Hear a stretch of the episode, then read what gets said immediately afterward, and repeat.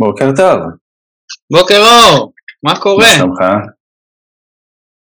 מעולה, מעולה, מעולה. אז אה, ביקשתי ממך ככה שתפנה קצת זמן ושנעשה אה, באמת את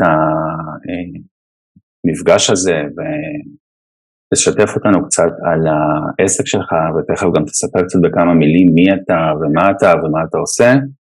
אה, מתוך אה, איזושהי היכרות אישית שיש לי איתך ומתוך זה, זה שהתבוננתי בעצם בדרך שאתה עושה, בדרך שעשית, אה, ועכשיו אנחנו גם עושים ביחד איזושהי תוכנית בקורס אוטואיטה שלי ואתה גם משתף אחרים שם ואני מניח שיש לך הרבה מאוד תובנות לתת לנו, כי בעצם כשהכרנו והתחלנו ככה לעבוד ביחד, אז היית במצב שהייתה לך איזושהי קליניקה במשך תקופה ארוכה, ולא היית שבע רצון מזה, הן מבחינת המספרים, הן מבחינת ההכנסה. בלשון המעטה. בלשון המעטה, תכף נספר קצת יותר. ואז התחלת לעשות כל מיני דברים והתחלת לפעול, והיום אתה חי מציאות אחרת לגמרי בעסק שלך, ובעצם המטרה זה לראות האם יש משהו שאנחנו יכולים למדל ולהעביר את זה הלאה ולתת לאחרים אה, אופציה אולי גם לעשות את המקפצות שלהם, ובין לבין אני ככה אציק לך ואקטע אותך באמצע ואשאל אותך שאלות, אבל אה, אנחנו נזרום משם. לזה אני רגיל, לזה אני רגיל, זה לגמרי בסדר. מעולה. אז אה, בכמה מילים, מי אתה, מה אתה, מה קורה?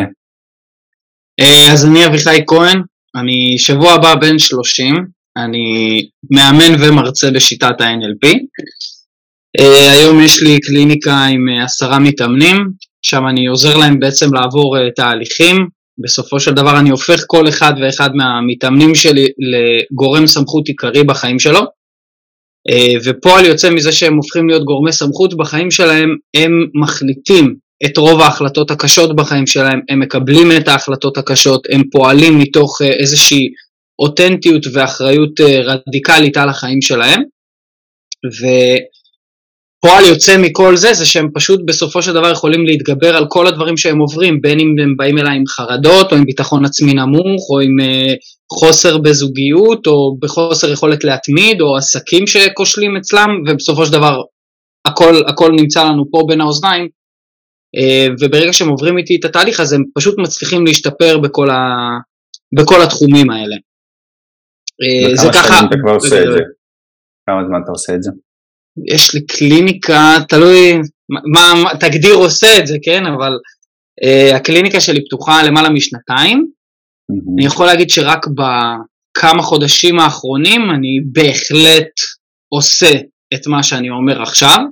לפני כן פשוט קראתי לעצמי מישהו שמטפל בחרדות, כשבפועל אה, תוך כדי איזשהו תהליך איתך הבנתי שאני לא באמת מטפל להם בחרדות, אה, כי בעצם לטפל בחרדה זה סוג של לעבוד עם סימפטומים ולא עם הבעיה עצמה. אמ, ותוך כדי ככה התהליך שחידדנו את זה, אז הבנתי רק לאחרונה עם מה אני צריך לעבוד איתם, שיניתי את כל ה... את, את הגישה של איך שאני קורא לעצמי, איך אני מטפל בהם, איזה תהליכים הם עוברים אצלי. אמ, אז אני יכול להגיד שרק בחצי שנה האחרונה, אולי טיפה פחות, אני באמת יודע מה אני עושה בקליניקה.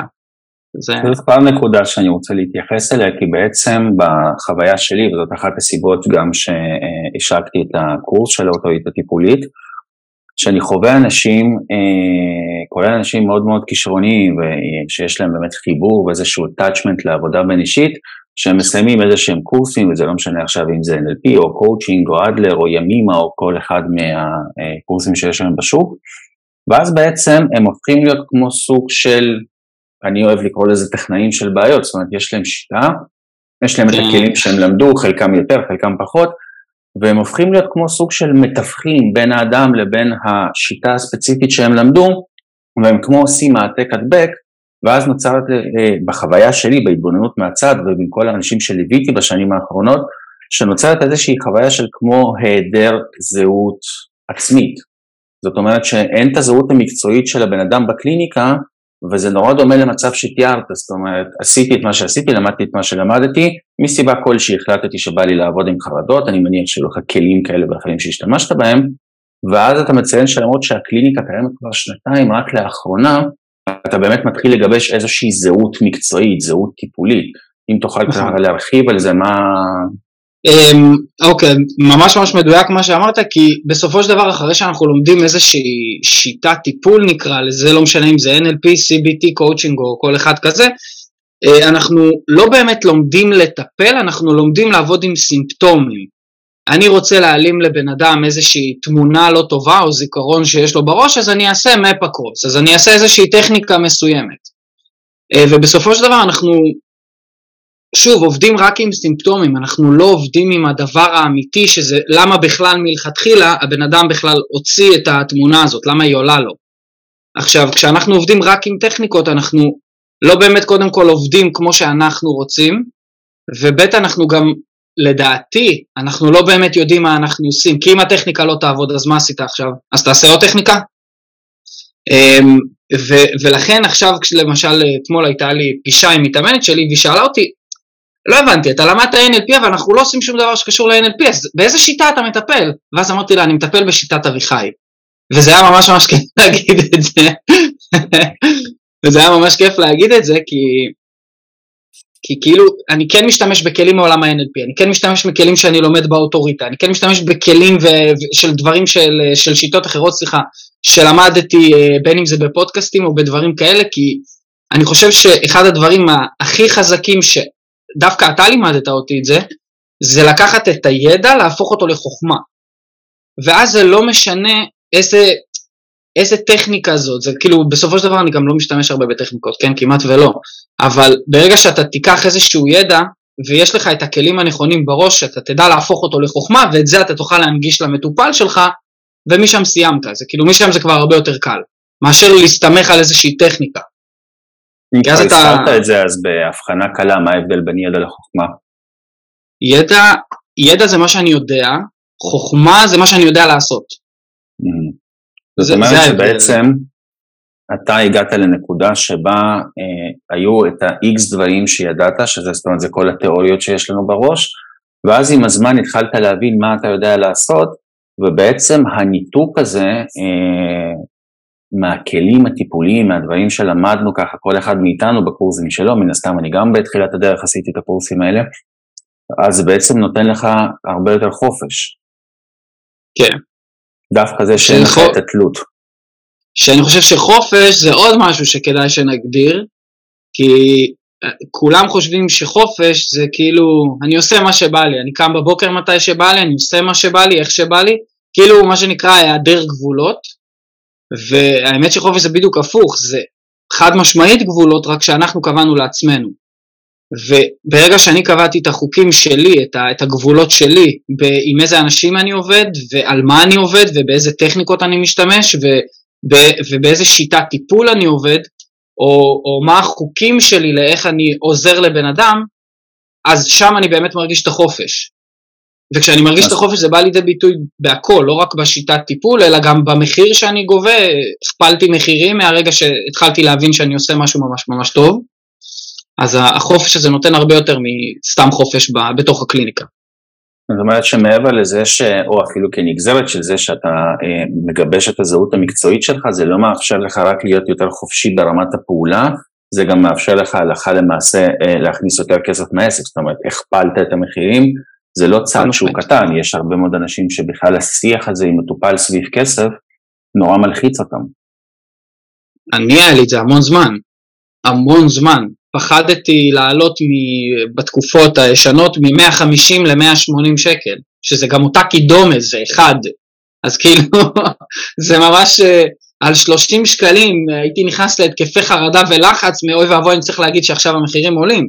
כרגע אני גובה 450 שקלים לפגישה ובן אדם שלא רוצה אני פשוט אומר לו אני אתן לך מישהו אחר, יש הרבה יותר זולים בכל מקום. החופש הזה נותן הרבה ביטחון, כי אתה מבין מה אתה עושה. וזאת באמת הנקודה הבאה שהיא בעיניי מאוד חשובה, היא אחד הדברים ש, אה, שאני אומר גם בקורס אופריטה ויצא לי להגיד את זה גם בפרסומים שלו ובפגישות הראשונות, זאת אומרת בשיעורים הראשונים, בשיחות טלפון שעשיתי, כשאני אומר לאנשים שהם שואלים אוקיי אתה הולך ללמד עכשיו כלים בתוך התוכנית הזאת? והתשובה היא לא. עכשיו אתה נמצא במחזור השני כבר, החבר'ה של המחזור הראשון שבוע הבא הם מסיימים, אה, אני חושב שעל כף יד אחת, לא יודע, לימדתי אותם שלושה כלים, כאילו, מהבודדים, של הבודדים שאני עובד איתם, והלכה למעשה אני לא מלמד כלים ואני לא מלמד טכניקות, אה, אני מלמד שם גישה, אני מלמד שם איזושהי התבוננות למעלה, אבל אז אני שואל את השאלה, אוקיי, אבל אם אין לך טכניקה בעצם, אז איך תדע מה לעשות? אוי, אני חושב שדווקא שאין טכניקה, יש לך הרבה יותר חופש, כי כשאתה עם טכניקה אתה כפוף למספר שלבים, מי שלמד NLP, אז כאילו, יש לך את ה rapport, ואז יש לך איזושהי, נגיד סתם דוגמה, לעגן עוגן שלילי, ואז break state, ואז להכניס לציר זמן, להציב מציר זמן. הרבה, אתה, אתה, ההפך מחופש, מישהו אחר קבע לך את הגבולות. דווקא להפך, שאתה מבין את הגישה של, אה, אה, של הבעיה, זאת אומרת הגישה שלי, אה, איך שאני ניגש לבעיות היא שונה, היא לא מתוך מקום של בוא נפתור את זה, אלא מתוך מקום של בוא נתבונן על זה רגע מלמעלה, בוא נבין שנייה מה גודל הבעיה. הרבה פעמים הבעיות שלנו נראות לנו כמו מדינות בתוך הראש שלנו, הן נראות גרנדיוזיות ומטורפות, אבל כשאתה יוצא שנייה ומסתכל מלמעלה, זה, אתה פתאום מבין, אוקיי, זה הגודל שלו, זה הצבע שלו, זה הצורה שלו, אוקיי, זה לא כזה מטורף, עכשיו בוא, בוא ניגש לזה בצורה שהיא שונה. אמ, ובסופו של דבר, סיפור מגניב דווקא מהתהליך של איתך, אה, בתחילת הדרך, אני קראתי איזשהו ספר, לחשוב כמו מיליונר, ואם אתה זוכר, באתי לך בפגישה הראשונה ואמרתי לך, אלכס, אני חי בתודעת חוסר מטורפת. ואני אצלי בראש זה היה שאני בחוסר, ו, וכל החיים שלי אני אהיה בחוסר, והכל הוא בחוסר, וכולי באיכסה כזה, ואז שאלת אותי איך זה בא לידי ביטוי, פעם ראשונה מישהו שאל אותי בוא נסתכל על זה מלמעלה, ואמרתי לך כי במסעדות אני מסתכל על המחיר ולא על המנה. ואז שאלת אותי שאלה, האם אתה מגדיר את עצמך כאיזה פודי גאי כזה, שמישהו שמאוד חשוב לו מנות מטורפות וזה, אמרתי לך לא, ממש לא. אוקיי, מה כן חשוב לך? ואז אמרתי לך, נגיד ההתפתחות אישית, שזה מאוד חשוב לי, וזה אני משקיע עשרות אלפי שקלים בשנה. אז אמרת לי, אוקיי, אז איפה התודעת חוסר? ובאותו יום זה פתאום השתנה לי, פתאום הסתכלתי על זה מלמעלה ואמרתי, אוקיי, זה לא כזה נורא, אז באוכל אני לא מוכן להשקיע 400 שקל על סטייק, זה לגמרי בסדר, אבל בהתפתחות אישית 40 אלף שקל בשנה, את זה אני עושה. שזה גם נקודה מאוד מעניינת, כי אה, אני חושב שחלק, אם אנחנו כבר מדברים על תבניות ועל תפיסות שהן יותר רחבות, אז חלק ממה שתיארת שבאמת כשאנחנו לומדים כלים, הכלים האלה מאוד מקבעים. ואז כאילו נוצר איזשהו מצב שבא אלינו בן אדם, יש לנו את ארבע, חמש, שש טכניקות שכזה התחברנו אליהן בקורס, ואז נוצרת סוג של סיטואציה שהיא בעיניי גם כאילו גבולי הזויה כלפי הלקוח, כי כאילו לא משנה מי מגיע אליי, אני פשוט עושה לו את אותו הדבר.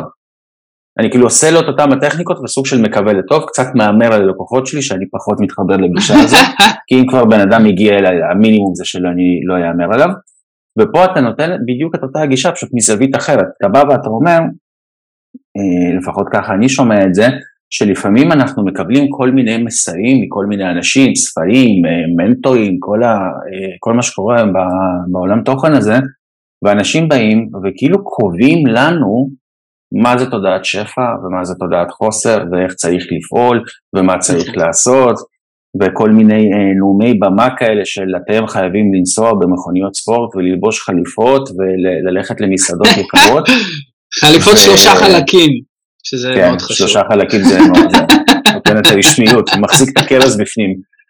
כן. ואז כי אתה מסתכל על זה ואתה אומר, ואנשים, ויצא לי גם לעבוד עם אנשים כאלה, שפתאום אתה נכנס להשוואתיות ואתה אומר, רגע, שנייה, אבל אני, אני, אין לי חליפה, אני אפילו לא יודע אה, לקשור עניבה כמו שצריך, שזה דרך אגב גילוי נאות נורא מסובך, אני בחיים שלי לא הצלחתי לקשור עניבה, אני לא הצלחתי להבין די פשוט, אני למדתי מיוטיוב. אני למדתי מיוטיוב. נורא מתסכל אותי הדבר הזה, אבל אז אתה כאילו מקבל איזושהי תמונת הצלחה שאתה אומר, רגע, אבל אם התמונת הצלחה הזאת היא לא שלי, ואם התמונת הצלחה הזאת היא, היא בכלל לא מה ש... אולי זה משהו אחר.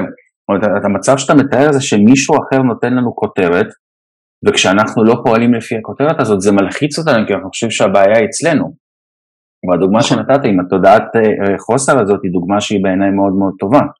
ואני חושב שזה גם קורה לנו בקליניקות, אנחנו רואים אנשים שמשהו שלי יצא להתמודד איתו ואני אשמח לשמוע את דעתך, אה, שאנשים עכשיו מדברים איתי ויש כאילו איזשהו הייפ כזה של אה, אנשים בלחץ, יש למטפלים איזשהו קטע שהם כאילו בלחץ לפתור לאנשים בעיות, כאילו בן אדם מגיע אליי ואני כמו בטירונות, כן. באיזושהי חוויה שכאילו הלקוח נכנס עם סטופר ואומר תקשיב חמש דקות פתרת לי חרדה צא, ואתה אומר כאילו למה? למה הדבר הזה קורה? עכשיו, אני לא אומר שאם יש לי יכולת לפתור בעיה למישהי מהר אז אין שום בעיה ואני יודע להגיע לעומק ואני יודע לעשות עם אנשים היום בחצי שעה משהו שפסיכולוגים עושים איתם שנתיים, בסדר, אבל אני לא חייב. אני, חושב. אני חושב שזה מתחיל בכלל, קודם כל בשיעורים ששם אנחנו לומדים, אוקיי? לא כי חלילה אני חושב משהו לא טוב על הלימודים, אבל כי שם, אם אתה אם אתה זוכר, בסופו של דבר אתה לומד איזשהו חלק תיאורטי, אתה רואה supervision המרצה או המרצה מדגימים על מישהו, ואז אתם ממש יוצאים לתרגל אחד על השני. וכשאתם מתרגלים אחד על השני, אז יש איזושהי תחושה של ריצוי כזה, של כאילו הנה עשיתי עליך עוגנים, אז עכשיו יש לך עוגן שמשנה לך את החיים פה בכתף. או הנה עשית לי ילד פנימי, אז עכשיו אין לי יותר את ההרגשה של אני אפס קטן ומושתן אה, שאימא שלי אמרה לי בגיל שלוש. ואז כשאתה מגיע עם זה לקליניקה, אתה פתאום אומר, רגע, שנייה, עשיתי טכניקה, למה הבן אדם פה לא מחייך? שנייה, אבל אני גם, הוא גם משלם לי כסף, כאילו, רגע, רגע, שנייה, אני גם מקבל פה, מתחילים, לוקחים נגיד 100 שקל, 200 שקל, אני, אני גם מקבל פה 200 שקל על שעת עבודה שלי, וגם, רגע, שנייה, בן אדם לא מחייך בסוף הפגישה, אז אולי אני לא כזה טוב. ואני חושב שגם דבר נוסף שבגללו אנחנו באמת מנסים לפתור את הבעיות זה כי אנחנו באיזושהי מציאות מסוימת שאנחנו לא רגילים לסבול בה. אם אתה סובל יש נטפליקס, אתה סובל עוד טיפה יש גם טלפון, אם אתה יש לך חרדות אז קח ציפרלקס, כואב לך הראש ככה כמול. אז אנחנו לא מתמודדים עם שום דבר ולכן אנחנו גם רוצים כאילו להשליך את זה על המטופלים שלנו של רגע אתה שילמת לי 200 שקל אז יאללה קדימה בוא, בוא נפתור לך את כל הבעיות. שזאת בעיניי גישה... זה ריצוי, זה כאילו אתה מגיע ממקום מאוד, אה, מאוד קטן למטופל שלך אבל גם נגעת פה בעוד נקודה שהיא יפה, ומן הסתם אני מכיר את הקורסים האלה, לימדתי את הקורסים האלה, ובסוף אני גם לא חושב שאפשר לעשות את זה יותר טוב, לפחות מהנקודה שנמצא בה היום, זאת אומרת בסוף אתה חייב ללמד חומר תיאורטי, המרצה צריכה לעשות הדגמה, והחבר'ה צריכים לתרגל, פשוט אני כתלמיד גם הקפדתי וכמרצה הייתי חופר לתלמידים שלי בין שיעור לשיעור, גם לכם באותו איתה אני חופר על זה, לכו תעשו, אה, אה, אה. כי אני חושב שבסוף הצמיחה מגיעה בין שיעור לשיעור, אבל נגעת פה במשהו יפה, שכאילו הרבה פעמים הקורסים האלה כאילו מכניסים אותנו לבועה. כי שוב, יש את ההשוואתיות הזאת, כי עכשיו היא הדגימה טכניקה, והיא לקחה איזה תלמיד רנדומלי מהכיתה, והיא ראתה איך הטכניקה עובדת, והיא עכשיו ברבע שעה שלחה אותו כולו אה, באופוריה, ואני יושב שם בתרגול ואני אומר, רגע, מה, אני צריך לעשות כזה? אני לא יודע לעשות כזה. ועכשיו לא רק זה, וזאת אחת הסיבות שאני אה, מתעקש בתוכנית שלי, הם לא ללמד טכניקות, כי אני חושב שאם אנחנו לא מבינים את המהות של הטכניקה, אז אנחנו שוב, אנחנו הופכים להיות מאמרים, כאילו אם במקרה זה הצליח מגניב, אבל אם לא אני בבעיה. ואנשים ב, גם בקורסים האלה, הם לא מלמדים מה קורה מבעד לווילון. זאת אומרת, אוקיי, מלמדים אותי עכשיו איזושהי טכניקה ואתה צריך לעשות X, Y, Z, תיגע פה, תעשה עוגן, תחבר אותו לתחושה, אבל למה אני צריך לעשות את זה? למה אני מחבר אותו לתחושה? ומה יקרה אם אני אחליף בין השלבים, ולמה הטכניקה הזאת נוצרה בדיוק בשלבים האלה, ועל מה בעצם אני עובד, ואת כל זה כאילו לא מלמדים. עכשיו, אנשים מפספסים את העיקרון שכשאתה הולך לבן אדם שלא מכיר, כי אתה עכשיו בקורס, אתה משתף פעולה כי הסבירו לך משהו, אבל כשאתה ניגש. עכשיו לבן אדם ברחוב, אם אני אשב מולך ועכשיו אתה אה, מטופל שלי, סליחה, אני מטופל שלך, ואתה תגיע ואתה אה, בתוך הקליניקה תסביר לי דברים ופה ושם ותעשה לי איזשהו עוגן, יש סיכוי שזה יעבוד לי. אבל אם אתה תפגוש אותי ברחוב, אנחנו לא מכירים, אתה תבוא אליי ואתה תלחץ לי פה על הכתף, ותגיד לי, תרגיש טוב, יש סיכוי שאתה תקבל סטירה. חד משמעית. לא יעבוד. כנראה שזה... לא... זאת אומרת, אנחנו לא עושים טכניקות בלי הבנה, זה שוב, זה הימור. כאילו, אנחנו צריכים להבין מה אנחנו עושים, וזה כאילו משהו שהוא קצת חסר שם. אני גם אחדד עוד מה שאתה אומר, גם, יותר מזה, גם את הטכניקות שלימדו אותנו, קישרו לנו אותם לבעיות ספציפיות. אתה רוצה uh, אתה רוצה uh, להגיע לאיזושהי מטרה בחיים, מצוין, תעשה וולט דיסני. אפשר לעשות את זה גם דרך ציר זמן, אפשר לעשות את זה גם דרך עוגנים, אפשר לעשות את זה דרך כל, כל דבר. אז uh, גם, אם, אם אתה, גם דיברנו על זה לדעתי באחת הפגישות, שעם וולט uh, דיסני אפילו אפשר לפתור טראומה מורכבת. כאילו, אתה יכול לעשות כל דבר עם כל כלי, עם כל כלי, פשוט שאתה מבין מה הכלי הזה אמור לעשות, מה המהות שלו מאחורה. כן, ואת זה חד משמעית לא מלמדים. כן, את זה חד משמעית לא למדתי. והן עובדות, אבל לא נכנסים איתנו לעומק, אני גם יכול להבין את ההיגיון של זה, אבל כאילו לא נכנסים אותנו לעומק של למה הכלים האלה עובדים. כי בסוף כשאתה ולכן... מבין בעיקרון, זה הופך להיות הרבה יותר פשוט. אתה חווית הדגמה של משהו שהוא הרבה יותר פשוט במעט מאוד זמן, בלי שיש לזה כותרת של טכניקה באחד המפגשים האחרונים שלנו. כן, ו- ולכן אני חושב שדווקא אחרי שסיימו ללמוד והכל, אוקיי, עכשיו בואו תבינו גישות של טיפול. עזבו שנייה את הטכניקות שאתם רגילים לעשות by the book, אה, רפור, זה זה זה, break state, לא, לא רלוונטי. בואו תבינו גישות של טיפול, בואו תבין למה אתה עושה את הדברים. ואני חושב שזה, אם, אם היה משהו שהרגשתי שחסר לי, לפני שנכנסתי לאוטוריטה, זה זה שפחדתי להיתקע בדיוק במקומות האלה שאמרתי, אוקיי, אין לי טכניקה מתאימה לזה. אז מה אני עושה עכשיו? אין לי טכניקה ספציפית לדבר הזה, אז אני לא יודע מה לעשות. ואז ברגע שלמדתי גישה ולא טכניקה, אז עם הגישה הצלחתי להכניס איזה טכניקה שאני רוצה. אגב, בניתי טכניקות משל עצמי.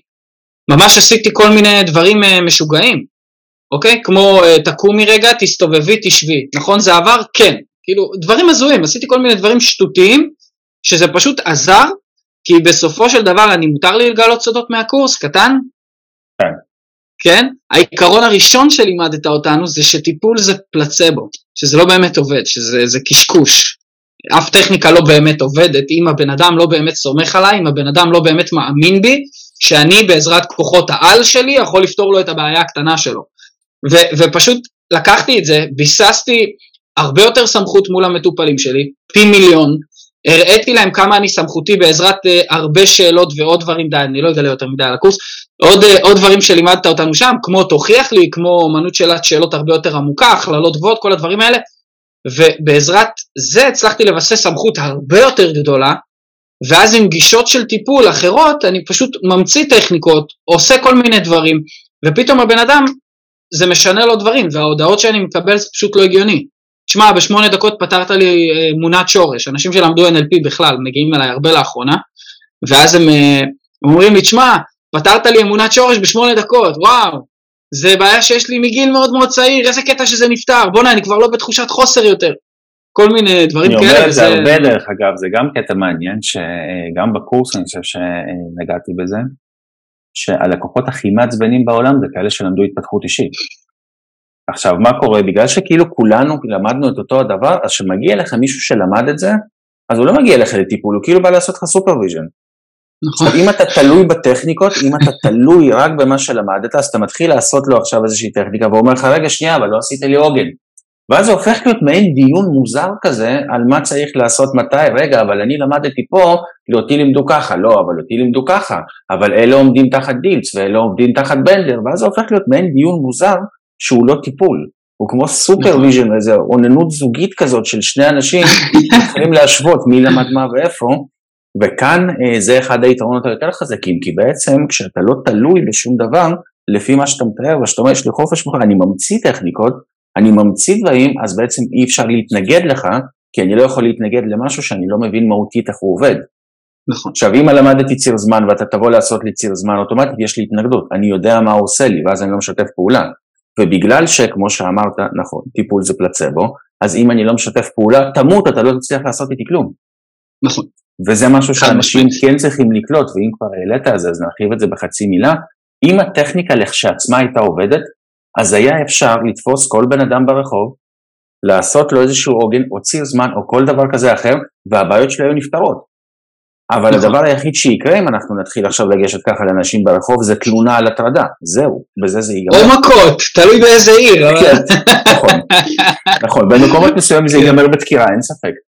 והסיבה שזה לא עובד כי לא משתף פעולה. עכשיו אם אתה שואל את עצמך הגיונית, רגע, אבל אם הטכניקה עובדת, אז מה זה משנה אם הוא משתף פעולה או לא? וזה בדיוק העניין, זה לא משחק של טכניקה, הטכניקה בנויה על עקרונות פסיכולוגיים שברגע שאנחנו מבינים אותם, אנחנו כבר לא זקוקים לטכניקה. כי דברים נכון. שעובדים אובייקטיבית, זה דברים שעובדים אובייקטיבית. אם אתה תיסע איתי עכשיו, תשב איתי ברכב, אוקיי, ואני נוהג ואני לוחץ על הגז, אתה יכול לשתף או לא לשתף פעולה עם הנסיעה הזאת, הרכב ייסע. לשיתוף. הפעולה שלך יש מעט מאוד השפעה על הדבר הזה. לעומת זאת, אם אני אעשה איתך סשן ואתה לא תשתף איתי פעולה, זה לא משנה כמה אני מנוסה או טוב, נגמר הסיפור שלי. אין לי סיכוי. אוקיי? Okay, והתלות הזאת זה תלות שהיא מאוד מאוד מאוד קיצונית. אמת, אמת, ואני חושב שזה בדיוק המכה, זה גם למה כל השם שלנו, של המתפתחים אישית, של ה-NLP, CBT וכל זה, זה כאילו שם שלאט לאט הולך ונהיה מושמץ יותר ויותר, כי כולם יודעים את כל הטכניקות, ואז מה? אז אתה מסתכל החוצה ואתה אומר, אוקיי, יש לך 20 אלף מאסטרים בארץ כאילו מוסמכים לטפל בשיטת NLP. בפועל פחות ממה, 5,000 עובדים, אולי טיפה פחות, וגם מתוך ה-5,000, כמה באמת יש להם קליניקות מלאות? כמה באמת עובדים, כמה באמת עוזרים לאנשים? אחוז מאוד מאוד קטן, ואני חושב שהאחוז הזה שבאמת עובד, זה האחוז הזה ששחרר את מה שהוא למד, לא כי זה לא טוב, שחרר שנייה את התלות בכל השיטה עצמה, ונתן ל, ל, ל, לעצמו רגע לבוא קדימה. נתן, נתן שנייה לאמונות שלו, להשקפות שלו, רגע לבוא קדימה, לעזור לבן אדם מתוך מהות ולא מתוך תוכן וטכניקה ואיזה שלב אנחנו. היה לי הרבה שיחות עם זה סביב הנושא של תעודות, אה, ושוב, למען הסר ספק, אני מאוד מאמין ב-NLP, אה, עדיין, אני באמונה הסובייקטיבית שלי, אלכס חושב שזו השיטה הכי טובה שקיימת ואני חושב שמאז שלמדתי אותה באמת החיים שלי השתנו, אני חושב שהיא שיטה מטורפת, מאוד מאמין בה, מאוד תומך בה, חתום על מאות תעודות של מאות אנשים. יחד עם זאת, אה, וגם בכיתות הייתי אומר את זה, כשהייתי מלמד את השיטה, שלתעודה הזאת יש אפס חשיבות, כאילו כל הקטע הזה של כאילו מוסמך, זה, זה הפך להיות איזשהו סוג של הייפ שאנשים קצת הולכים בו לאיבוד, כי הם חושבים שהתעודה הזאת משנה משהו, אבל אם הם יבדקו עכשיו, אז מבחינת הרשויות, אה, NLP יסט ממוצע הוא סוג של עובד אלילים, אה, ואף אחד לא עושה וודו. דבר, כן. והוא לא מוכר בשום מקום, והתעודות האלה זה, אה, זה פשוט מעצבת גרפית ששילמו לה 200 שקלים ועשתה עיצוב לתעודה, ואז הדפיסו אותם בעלות של שתי וחצי שקל לתעודה. ואז יש את הקטע, הגימיק השיווקי הנוסף, זה גם משהו שאני... בינלאומי. שזה בינלאומי. אני מת לדעת מה זה אומר. גם הייתי שואל את האנשים, גם בכיתות שלי, אנשים שכבר נכנסו אליי לכיתות, בסוף יש תעודה בינלאומית, נכון? תגיד, מה זה אומר? קודם כל אני אשאל אותך שאלה, לפני שאתה תגיד לי מה זה אומר, אתה מתכנן לעבוד עכשיו בניקרגואה בתקופה הקרובה? מה זה משנה אם זה בינלאומי? אתה, יש קליניקה בחו"ל, אתה מתכנן איזושהי התרחבות גדולה? יש איזה משהו בלונדון שאתה, לא, למה? מה זה משנה אם זה בינלאומי או לא? ונניח שזה בינלאומי, אתה חושב שאתה עכשיו תנחת איפשהו בקרואטיה עם התעודת שלך של המכללה פה שהיא בינלאומית, ואתה תגיד להם חבר'ה באתי, ואנשים יבואו, או סוף סוף, הגיע תעודה בינלאומית, איזה כיף, תודה שבאת. ומה זה כן, אומר בינלאומי, כן. מי מפקח על זה? ויש סיפור מאוד יפה שאני מאוד אוהב אותו, של איזה בחור באנגליה שרצה לבדוק את העניין הזה של הבינלאומיות, בלונדון אני חושב שזה היה, והוא הגיש בקשה לאיזשהו גוף שהוא רצה שיכירו בתעודה שלו בינלאומי בלה בלה בלה, ועל הדרך הוא אמר, אם כבר אני נרשם ללשכה אז אני לא יכול להיות אגואיסט, אני גם ארשום את הבן אדם, את היצור הכי קרוב אליי בעולם, והוא רשם את החתול שלו לארגון. ועכשיו מסתובב לו בלונדון חתול שהוא, אה, יש לו הסמכה בינלאומית לטפל באנשים. וזה כמה ברצינות, כן, כן, וזה כמה ברצינות הדבר הזה נלקח בעולם, אה, והתעודות האלה הן כאילו חסרות חשיבות. עכשיו, אני, למה, למה הרמתי תמיד את הזעקה הזאת? כי בעיניי זה מסרש אנשים, כי אם אני מסתמך על תעודה, אז התעודה הזאת בעצם היא לא מבדלת אותי מאף אחד ומשום דבר. כי לעוד מאה אלף איש יש תעודות נורא דומות, ולחלק הן אפילו יפות יותר. מה זה משנה איזה תעודה יש לי? למי אכפת?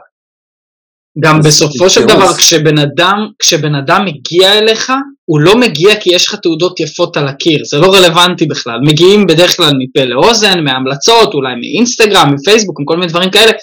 אני לא חושב שאף פעם, אולי פעם אחת נתקלתי, שמישהו שאל אותי מה התעודות שלך, ואז שאלתי אותו מה זה רלוונטי. ואז הוא אמר לי, אתה צודק, מה זה השטויות האלה? טיפלת בדודה שלי, אז בוא, בוא, בוא נתחיל כאילו. שטויות כאילו, אני באמת לא חושב שיש שום רעיון, יותר מזה אני אפילו אחמיר ואני אגיד, אני באמת מאמין שדווקא אנשים עם הרבה מאוד תעודות, אני ישבתי מול uh, פסיכולוגים ו-CBT וכל הכיף הזה, וישבתי מול מישהי שככה הסיפור שלי מתחיל בעצם עם עולם החרדות, ש... ישבתי מול מישהי שמאחוריה היו תשע תעודות, כל אחת עם חותמת מאוניברסיטת תל אביב ומאוניברסיטת זה ובאר שבע והסמכות בחו"ל וכל מיני דוקטורים חתומים על זה. בסופו של דבר את הבעיה שלי לא פתרה. אז מה זה משנה כמה תעודות יש לה על הקיר? ולעומת זאת דווקא בן אדם שיש לו תעודות שלא שוות יותר מדי, פתר לי את אותה בעיה ששלוש שנים היא לא פתרה לי בשיחת מסדרון, אז מה, מה זה רלוונטי? אז מה זה משנה כמה תעודות יש לבן אדם על הקיר? כי טיפול זה פלצבו. זה לא באמת... בדיוק, טיפול זה התעודות האלה פלצבו. בשבילנו. התעודות האלה, דרך אגב, שלא תטעה, אני מאוד בעד ללמוד וכאלה, גם כל הזמן לומד, וקורסים וספרים ועניינים, אני כל הזמן חוקר גם את העניין הקונבנציונלי, ויכול להיות שאותה פסיכולוגית היא באמת פסיכולוגית מצוינת, והיא באמת פתרה לאלפי אנשים את החיים, לא כי יש לה תעודות, כי היא יודעת לעבוד. למי אכפת כמה תעודות יש לה להכיר? עכשיו, אין לי בעיה, אני שומר דרך אגב, את כל התעודות שקיבלתי בקורסים שלי, אני שומר אותם, אבל אני שומר אותם בשבילי.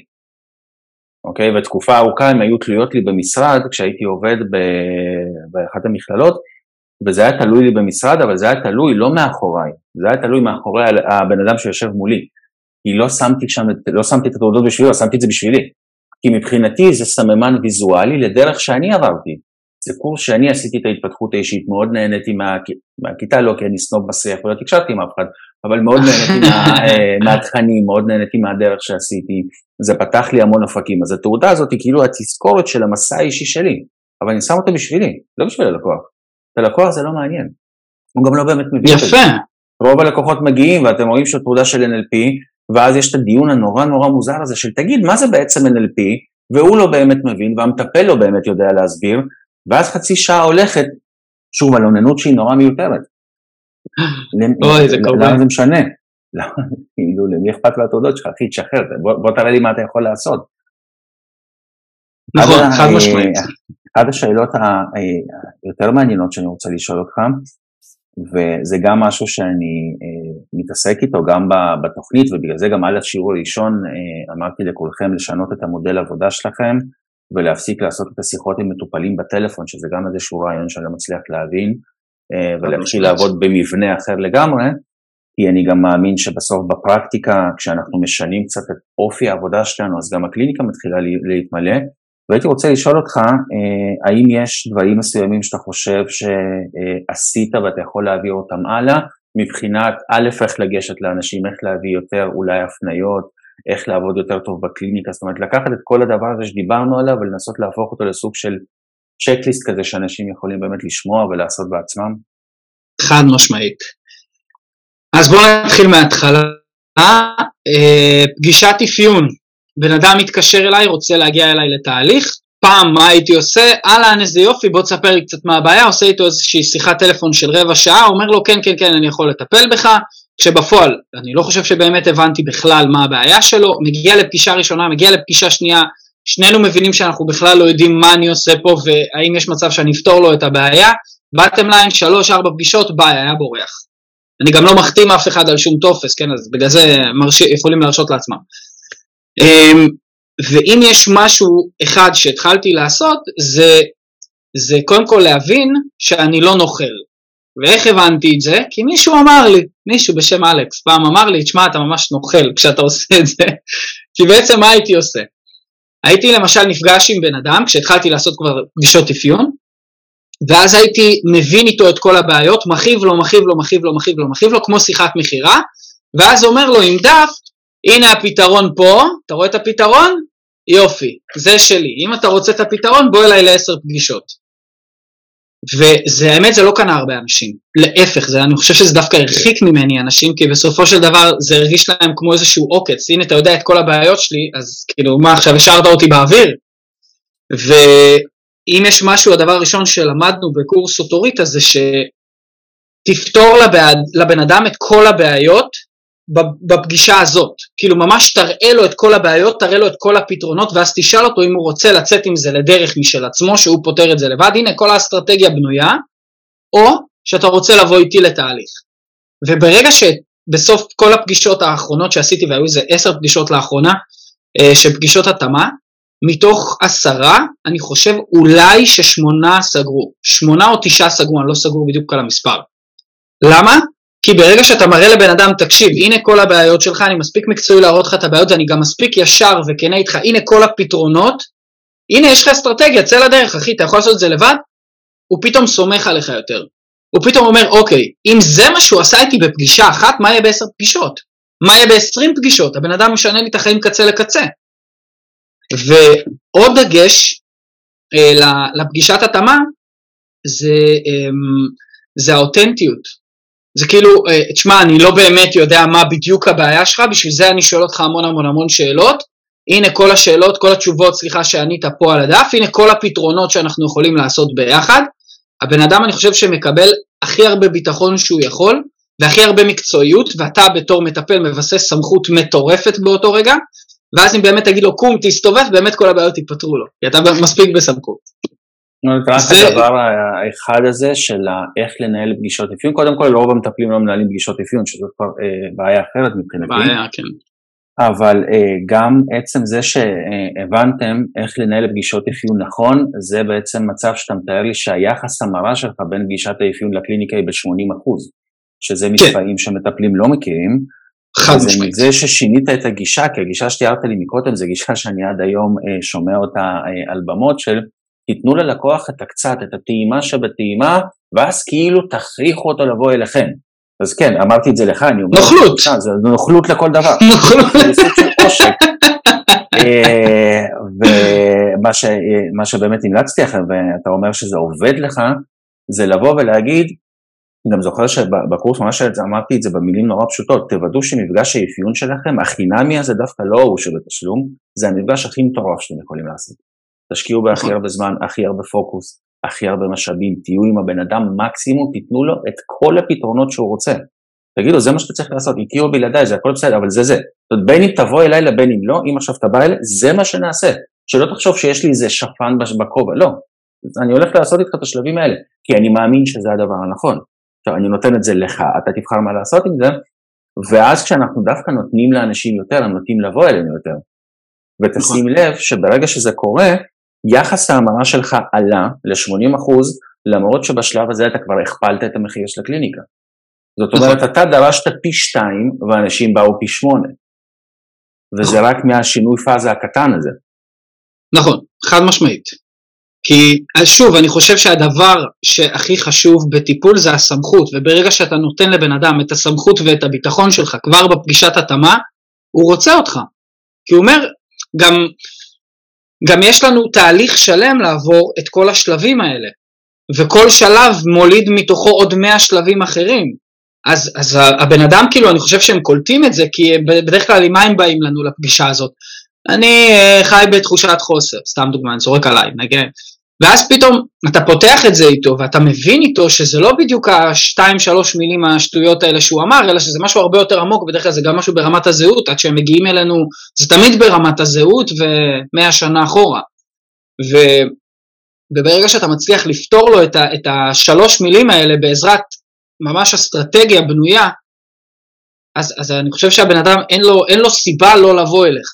וזה חד משמעית הכפיל ומשלש ומרבע ומתאמן את כל ה... את היחס המרה בקליניקה, חד משמעית. גם אפשר לראות את זה אצלנו בקבוצות, כאילו, כמה פגישות התאמה התחילו פתאום אה, לעלות, אנחנו יכולים לראות את זה מדי יום בקבוצה.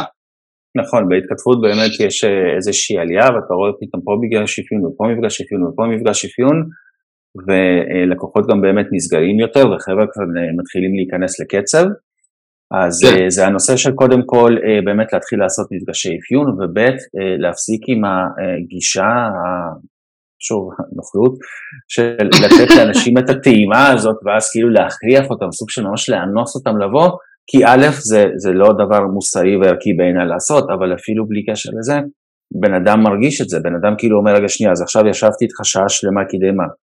כדי שאתה תעשה עלי סיבוב? בזבזת לי שעה מהחיים כדי לקחת ממני, כמו בבתי משפט, כל מה שתגיד יכול לשמש נגדך. אז לקחת את מה שאמרתי, ועכשיו אתה משתמש בזה בתור אזיקים לכבול אותי אליך, אז לך תמות, אני כבר מעדיף חרדה ולא נוכל. נכון. זה אוקיי, גם, אה, גם אני חושב ברגע שאתה תולה את, ה, את הפתרון של הבעיה אצלך, אתה גם מוריד לבן אדם אוטומטית את כל הרצון ואת היכולת לפתור את הבעיות שלו בעצמו. ואם יש משהו חזק מאוד, מאוד מאוד מאוד, שאני למדתי ממך, זה העניין הזה של אני לא פותר לך את הבעיות. אני אהפוך אותך לבן אדם שיודע לפתור בעיות, אני בחיים לא אפתור לך את הבעיות, וזה אני אומר כל מפגש לכל מטופל, לא משנה כמה הוא בוכה, חנן, עצבים, דמעות, את, אני חוויתי התקף חרדה של מישהו אצלי בקליניקה שבוע שעבר, ומישהי באטרף הגיע לי, ואמרתי להם, נשמות, אני לא פותר לכם את הבעיות. זה חלק מהתהליך, ואתם אוטוטו תלמדו איך לפתור את הבעיות לבד. בשבוע האחרון המתאמנים שלי, חמש פריצות דרך. רק בשבוע האחרון. חמש פריצות דרך כאילו משמעותיות, לא ניכנס לפרטים, לא נעים, אבל משמעותיות בחיים. בחורה שפחדה לבקש כסף עבור העבודה שלה, הכפילה מחירים וקיבלה את הכסף. עבדנו משהו פה, בקטנה, מפגש אחד. זאת אומרת, בסופו של דבר, ברגע, ש... ברגע שאנחנו לא פותרים להם את הבעיה, אלא מלמדים אותם, הנה כלי, ככה תלמד איך להשתמש בו, פתאום הם מתחילים להשתמש בזה לבד, ואז הם לא אומרים, אביחי פתר לי את הבעיה, אני פתרתי את הבעיה, אביחי לימד אותי איך לעשות את זה. ו, וגם ככה הרבה יותר, אני חושב, קל להם להמליץ עלינו. כי איזה בן אדם רוצה להגיד, אה, אביחי פתר לי בעיות של חרדה במיניות ושתן בהרטבה במיטה. אף אחד לא רוצה להגיד דבר כזה. אבל איזה כיף יהיה לו להגיד, אביחי לימד אותי איך לפתור את כל הבעיות שלי בחיים. עכשיו קל לו הרבה יותר להמליץ עליי, כי הוא גם לא צריך להיכנס לפרטים. שזה חוזר בכלל בלופ למה שדווקא התחלנו ממנו את המפגש, וזה הדפוס ריצוי הזה, שכאילו מטפלים הפכו להיות אנשים מרצים, הם כל כך חרדים ל... לגייס את הלקוח וכל כך מפחדים וכל כך חסרי ביטחון, מהדפוס ריצוי הזה שמתבטא קודם כל במהירות, שיש לנו איזו אובססיה, לפתור לאנשים את הבעיות שלהם כמה שיותר מהר, ואז כאילו האובססיה השנייה זה להיות כאילו האלה שפותרים להם את הבעיה, אוי לא, הלקוח יצא ממני ממפגשים כשהוא לא מרגיש טוב, ואז הוא לא יחזור, אימא'לה, ואז לא תהיה לי קליניקה, שבמציאות זה עובד בדיוק הפוך. אוקיי? בדיוק נכון. הפוך, וגם לי ולך היו פגישות שישבת מולי ואמרת לי, אבל אני יודע שיש לך את היכולת לפתור לי את הבעיה, אני מכיר אותך מספיק זמן, בוא תפתור לי את הבעיה. ולא משנה נכון. כמה ביקשת או כעסת או התעצבנת, לא, אני לא אפתור לך את הבעיה מתוך עיקרון. וכמה שבועות, ובמקרים של חלק מהעניינים כמה ימים, ובמקרים של חלק מהעניינים גם כמה חודשים אחרי, פתאום כל הדברים התהפכו. אבל היום, וזה משהו שכשמטפל יבין אותו בעיניי, זה אה, יכול להיות Game Changer מבחינת הגישה שלו, אתה ציינת בתחילת המפגש שאתה תכף בן 30, שזה אה, מספר שהוא מאוד סימבולי. הוא מאוד, אה, הוא מאוד משמעותי, זה כאילו, זה גיל כזה שאתה, שאתה קולט אותו, אתה מציין אותו, ולפני כמה שבועות כבר לדעתי עבר הזמן, שחלק מההודעות ששלחת לי זה, תקשיב, אין מטרה בחיים שלי שלא השגתי, אין יעד שלא הגעתי, והגעתי גם לכאלה על הדרך שבכלל לא תכננתי. הגשמתי את כל מה שרציתי, ויש פה המון מין הסימבוליות של הגשמתי את כל מה שרציתי אה, לפני גיל 30, ועכשיו יש את המטרות הבאות ואת היעדים הבאים, ומן הסתם אתה ממשיך להתקדם, ברור, אבל הכוח של לא להיות הדמות המרצה הזאת עבור המטופלים שלנו, עבור המאומנים שלנו, זה בעצם היכולת שאתה עכשיו תכף תגיע לגיל 30, אתה תסתכל אחורה, ואתה לא תגיד, אלכס עשה לי, אתה תגיד, אני עשיתי. אני הגשמתי נכון. את החלומות שלי. ובהודעות לא כתבת לי, וואי, תקשיב, אני רוצה להגיד לך תודה, הגשמת לי את כל החלומות. לא, היי, אני רוצה לשתף אותך שאין יעד שלא השגתי. זה תמיד פנימה, זה תמיד אני, זה תמיד כאילו העוצמה שלי כבן אדם. נכון. ואז יש לזה המון המון המון כוח. אנחנו בעצם זה... לא הופכים את המטופלים שלנו לתלותיים, בדיוק הפוך. המרדף נכון. קרדיט, הדפוס ריצוי הזה, אני חושב שזה פוגע גם במטופל שהופך להיות קטן בעיניי, כי כאילו, עם מי אתה, עם מי אתה רב על קרדיט? אתה המטפל שלו, למה אתה מתווכח איתו על קרדיט? זה כמו להתעקש לנצח את ילד שלך בין השלוש בדמקה, אחי, אבל הוא עוד לא למד את החוקים, על מה? זה, זה לא כוחות. מה אתה רוצה ממנו? כאילו, זה, זה לא...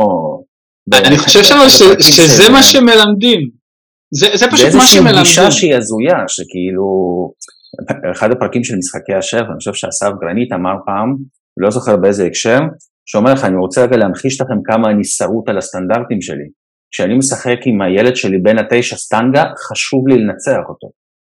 והוא הציג את זה בקונטקסט של כאילו, תראו כמה אני פרפקציוניסט וכמה בעיות קשות יש לי בראש, הוא אומר את זה על עצמו, אז אני מרשה לעצמי לצטט, וזה בדיוק הקטע, אני כמטפל או כמנחה או מאמן, לא משנה מה הכותרת, אמור להיות איש מקצוע. אם לי חשוב שהקרדיט ילך אליי, זאת אומרת, אני נכנס לאיזשהו דיון על קרדיט לפתרון בעיה, עם המטופל שלי, זאת סיטואציה שנראית לי הזויה. זו סיטואציה שנראית לי לא בריאה בשום, בשום קנה מידה. הבן אדם הגיע אליך ממקום שהוא יחסית חלש בחיים שלו, כי אחרת הוא לא היה מגיע אליך, כי אין מה לעשות, אנשים שמגיעים אלינו לרוב לא מגיעים כי טוב להם מדי בחיים, אז הוא הגיע ממקום שהוא קצת מעורער בחיים שלו, בין אם יש לו בעיה קשה או גדולה, זה לא משנה. הוא הגיע ממקום נמוך, הוא סומך עליך, הוא נותן בך את האמון שלו, את הכסף שלו, את הזמן שלו, ואתה מתווכח איתו של מי הקרדיט, במילים אחרות, בצורה לא מילולית, זה נראה לי ביזארי לחלוטין. אחי, תשחרר את הבן אדם, תן לו ליהנות. תן לו ליהנות, מה אתה וואי, אני צוחק, אתה, אתה מתאר אותי, אני ממש הייתי ככה. אני כאילו סוף כל טיפול חיכיתי להודעה תודה. ממש ככה, אני, אלכס, אני נשבע לך שהיו פגישות שהבן אדם יצא עם חיוך ועשיתי עליו טכניקה, ציר זמן, משנה ההיסטוריה האישית, או משמיד ההחלטות, אתה יודע, השמות המפוצצים מעולם המאסטר. והולכתי אותם פה בסלון שלי, בסבבה, קדימה, אחורה, לצדדים, הם נתקעו פה בקירות, בשיש, בעניינים, ו, ובסופו של דבר הם יצאו עם חיוך כזה גדול, ואני אומר, יאללה, היום תגיע ההודעה. ולא קיבלתי את ההודעה, ואני יכול להגיד לך שזה באיזשהו מקום אפילו שבר אותי מבפנים. זה ממש שבר אותי מבפנים, כי אמרתי, איפה התודה שלי? לא הבנתי, התחת, אני, אני שעה פה, הולכתי אותך קדימה אחורה, היית בן 60, בן 3, בן 4, איפה התודה שלי? ו, וזה מצחיק, כי היום זה, אני אפילו לא חושב על זה. אני כותב להם סוף כל פגישה, אני כותב אה, עוד משהו שלקחתי ממך, כן, אנחנו, בסופו של דבר הרבה אני לוקח ממך, אה, ה, אני כותב להם סיכומים של מה היה בפגישה וכל זה, וכאילו מבחינתי ברגע שהם קוראים את זה, מבחינתי זאת התודה הכי גדולה, כי הם קוראים את זה ויש להם שם את המשימות והם עושים את המשימות, אני מבחינתי שאני נותן למטופל שלי איזושהי משימה והוא עושה אותה, זה התודה הכי גדולה שאני יכול לקבל. אני לא רוצה שום תודה, לא רוצה כלום, פתור את הבעיות שלך בעצמך. כשהתחלתי עם הסיכומים, זה היה לפני שנתיים וחצי, שלוש בערך התחלתי לעבוד עם סיכומים, אז uh, בהתחלה עשיתי את זה נורא טכני, זאת אומרת אני הבנתי את החשיבות אבל לא ידעתי כאילו איך הצד השני יקבל את זה, אם בכלל קוראים את זה, לא קוראים את זה, כאילו אני שולח לכולם.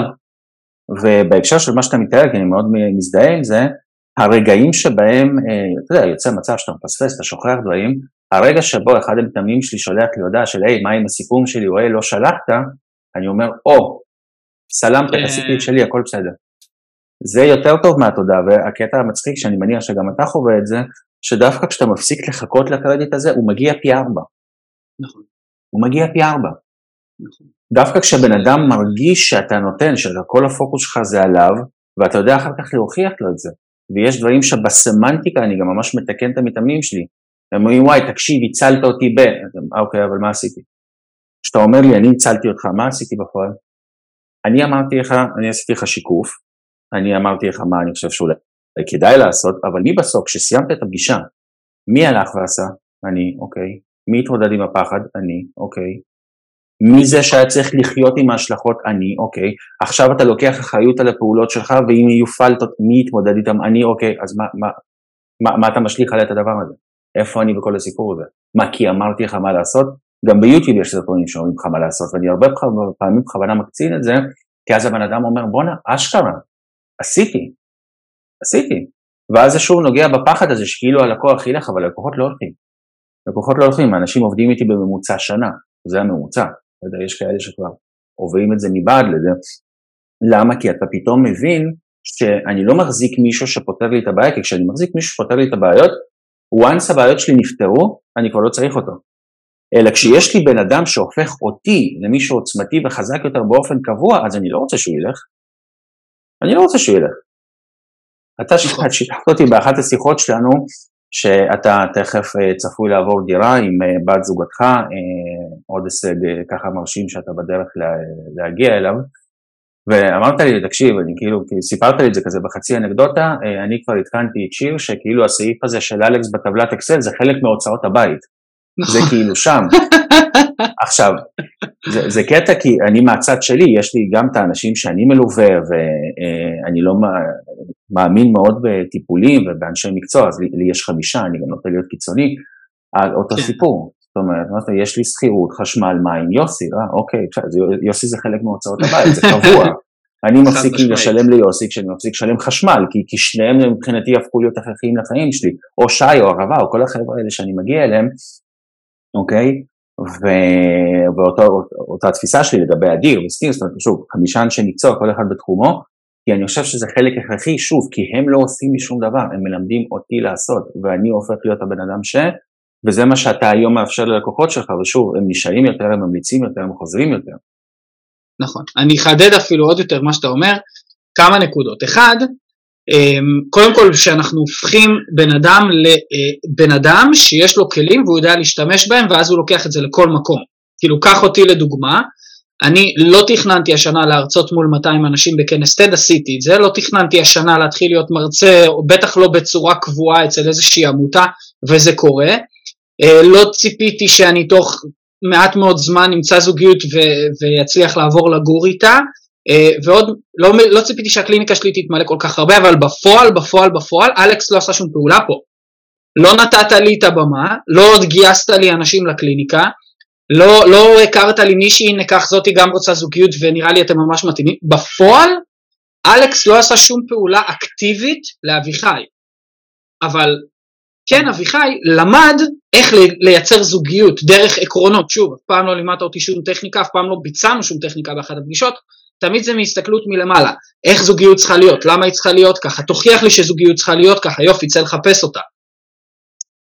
הרבה מאוד דברים לא, לא נתת לי, אבל בפועל, הרבה פעמים אני, שואלים אותי, איך בתשעה חודשים, לפני תשעה חודשים, קח אותי תשעה חודשים אחורה, אני מרוויח חמש וחצי אלף שקל בחודש, בלי זוגיות, ממורמר, מפוצץ ב, בעצבים, בשנאה עצמית, בחרדות, מזויף מכף רגל ועד ראש.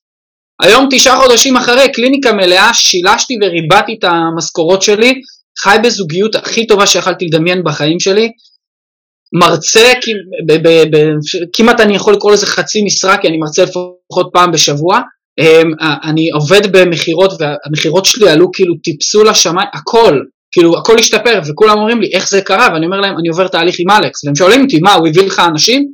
ואני אומר להם לא, האנשים בקליניקה הגעתי דרך שיתוף פעולה עם איזשהו גוף, אה, מה הוא, הוא הכיר לך מישהי? לא, הוא ממש לא הכיר לי מישהו, גם לא אמר לי איזה אפליקציה להוריד כדי להכיר מישהי, בסופו של דבר שום דבר אקטיבי אתה לא הבאת לי, אבל הכל קרה תוך כדי התהליך. שזה בדיוק, אני חושב, ש... שבו אתה מתחזק, ואז גם אין סיבה לעזוב את האנשים האלה, ובדיוק הפחד הזה מונע מאיתנו להשאיר אותם. וזה הנקודה הראשונה. הנקודה השנייה זה העניין הזה של אה, אה, בסופו של דבר אנשים רואים אותנו כאיזושהי, כאיזשהו משהו שהוא מותרות. זאת אומרת, לקנות אייפון בארבע וחצי אלף שקל זה לא מותרות, חס ושלום, איך, איך אני אצטלם לסטורי, אבל להשקיע בעצמך אלף שקל בחודש, לא יודע, כל אחד לפי איזה מטפלים הוא הולך, אני משקיע כמה אלפים טובים בעצמי בחודש, אמ, וזה זה כאילו, ברגע שאתה עושה את הסוויץ' הזה גם בראש, שזה לא מותרות, זה בעצם, זה חשוב, כמו שאמרת, בדיוק כמו לשלם חשבון חשמל, פתאום החיים שלך באמת משתפרים. פתאום, פתאום זה באופן, לא... באופן המשכי, באופן מתמיד. כן, אני חושב שאתה היחידי שהצליח להחזיק אותי תשעה חודשים. ולמען הסר ספק אני, אני משלם מחיר מופקע מאוד בפגישות שלנו, אבל בכל זאת אתה היחידי שהצליח, לה, מה זה להחזיק אותי? להחזיק אותי כביכול במרכאות תשעה חודשים, וכמובן היד עוד נטויה, כן יש לנו עוד דרך לעבור ביחד. אמ, ושוב, זה כי אני חושב שהפוקוס הוא אף פעם לא היה על אלכס, תמיד הפוקוס היה עליי. היו פגישות שלמות שסיפרת לי סיפורים מהחיים שלך, ובסוף רק הסברת לי איך זה מתקשר אליי, ופתרת לי בעיה תוך כדי שסיפרת לי סיפור על החיים שלך. שזה היה הזיה מבחינתי, היו פגישות שיצאתי ואמרתי, רגע, מה היה פה עכשיו? שנייה, אני עוד, אני עוד מעכל את זה, ואחרי כמה ימים פתאום משהו נפתר לי בחיים. וזאת עוד בעיה, אני חושב, של מטפלים שהם שמים את הפוקוס על עצמם. האם אני הצלחתי לפתור את הבעיה? האם אני הבאתי את הבן אדם? אתה לא רלוונטי, סתום את הפה, זוז הצידה, מפגר, יושב, יושב מולך בן אדם, תן לו שנייה את מה שהוא רוצה, תן לו שנייה את מה שהוא צריך, תקשיב לו, אל תשמע אותו, תקשיב לו, תיתן לו את הצרכים שלו, ופתאום פתאום הכל משתנה. העניין הזה של הפוקוס, ממש, ממש להזיז את הפוקוס מאנחנו, מהמטפלים שאנחנו לבן אדם ש, שיושב מולנו, ושוב, זה עניין של גישה, משהו שלמדתי, זה לא משהו שהיה לי. לגמרי מסכים. אוקיי. טוב, בגדול אני יכול להמשיך ככה פה עוד איזה ארבע שעות, כן? גם הווייב טוב והכל, אבל... אה, כן. כן, נצטרך לסכם את זה מתישהו, מתוך כוונה שמישהו אשכרה יראה את כל זה. אה, משהו קטן בסוף שאתה רוצה להוסיף, להגיד? אמ, כולנו חושבים כל הזמן שהדבר הכי חשוב זה תוצאות, כי גדלנו באיזושהי חברה כזאת שלימדו אותנו להתייחס תוצאות, בין אם זה מהבית ספר, שכמה הוצאת במבחן, או תעודת אמצע שנה, או סוף שנה, או תואר, האם קיבלתי 80, 90, מה הממוצע שלי. בסופו של דבר לימדו אותנו להסתכל על תוצאות, ואני חושב שזה שגור במוח של כולנו, אה, אה, להסתכל רק על התוצאות. האם יש לי כסף בבנק או אין לי כסף בבנק, האם יש לי זוגיות או אין לי זוגיות, וזה מביא אותנו הרבה פעמים לתסכול, מביא אותנו לעצבים, מביא אותנו למקומות מאוד מאוד חשוכים ונמוכים, וברגע שאנחנו נתחיל להסתכל דווקא על הדרך, דווקא על התהליך שאני עובר ולא רק על התוצאות שאני מקבל, אה, פתאום שהפוקוס עובר מהתוצאה לדרך, התוצאות מגיעות לבד ופי אלף יותר טובות. העצה הכי טובה שאני יכול לתת. יאללה, תודה רבה על הזמן ועל השיתוף, ושיהיה לך אחלה סוף שבוע, ואני אעדכן אותך כשכל הדבר הזה יעלה. תודה רבה, אלצ'קו. יאללה, אחלה סופש. ביי.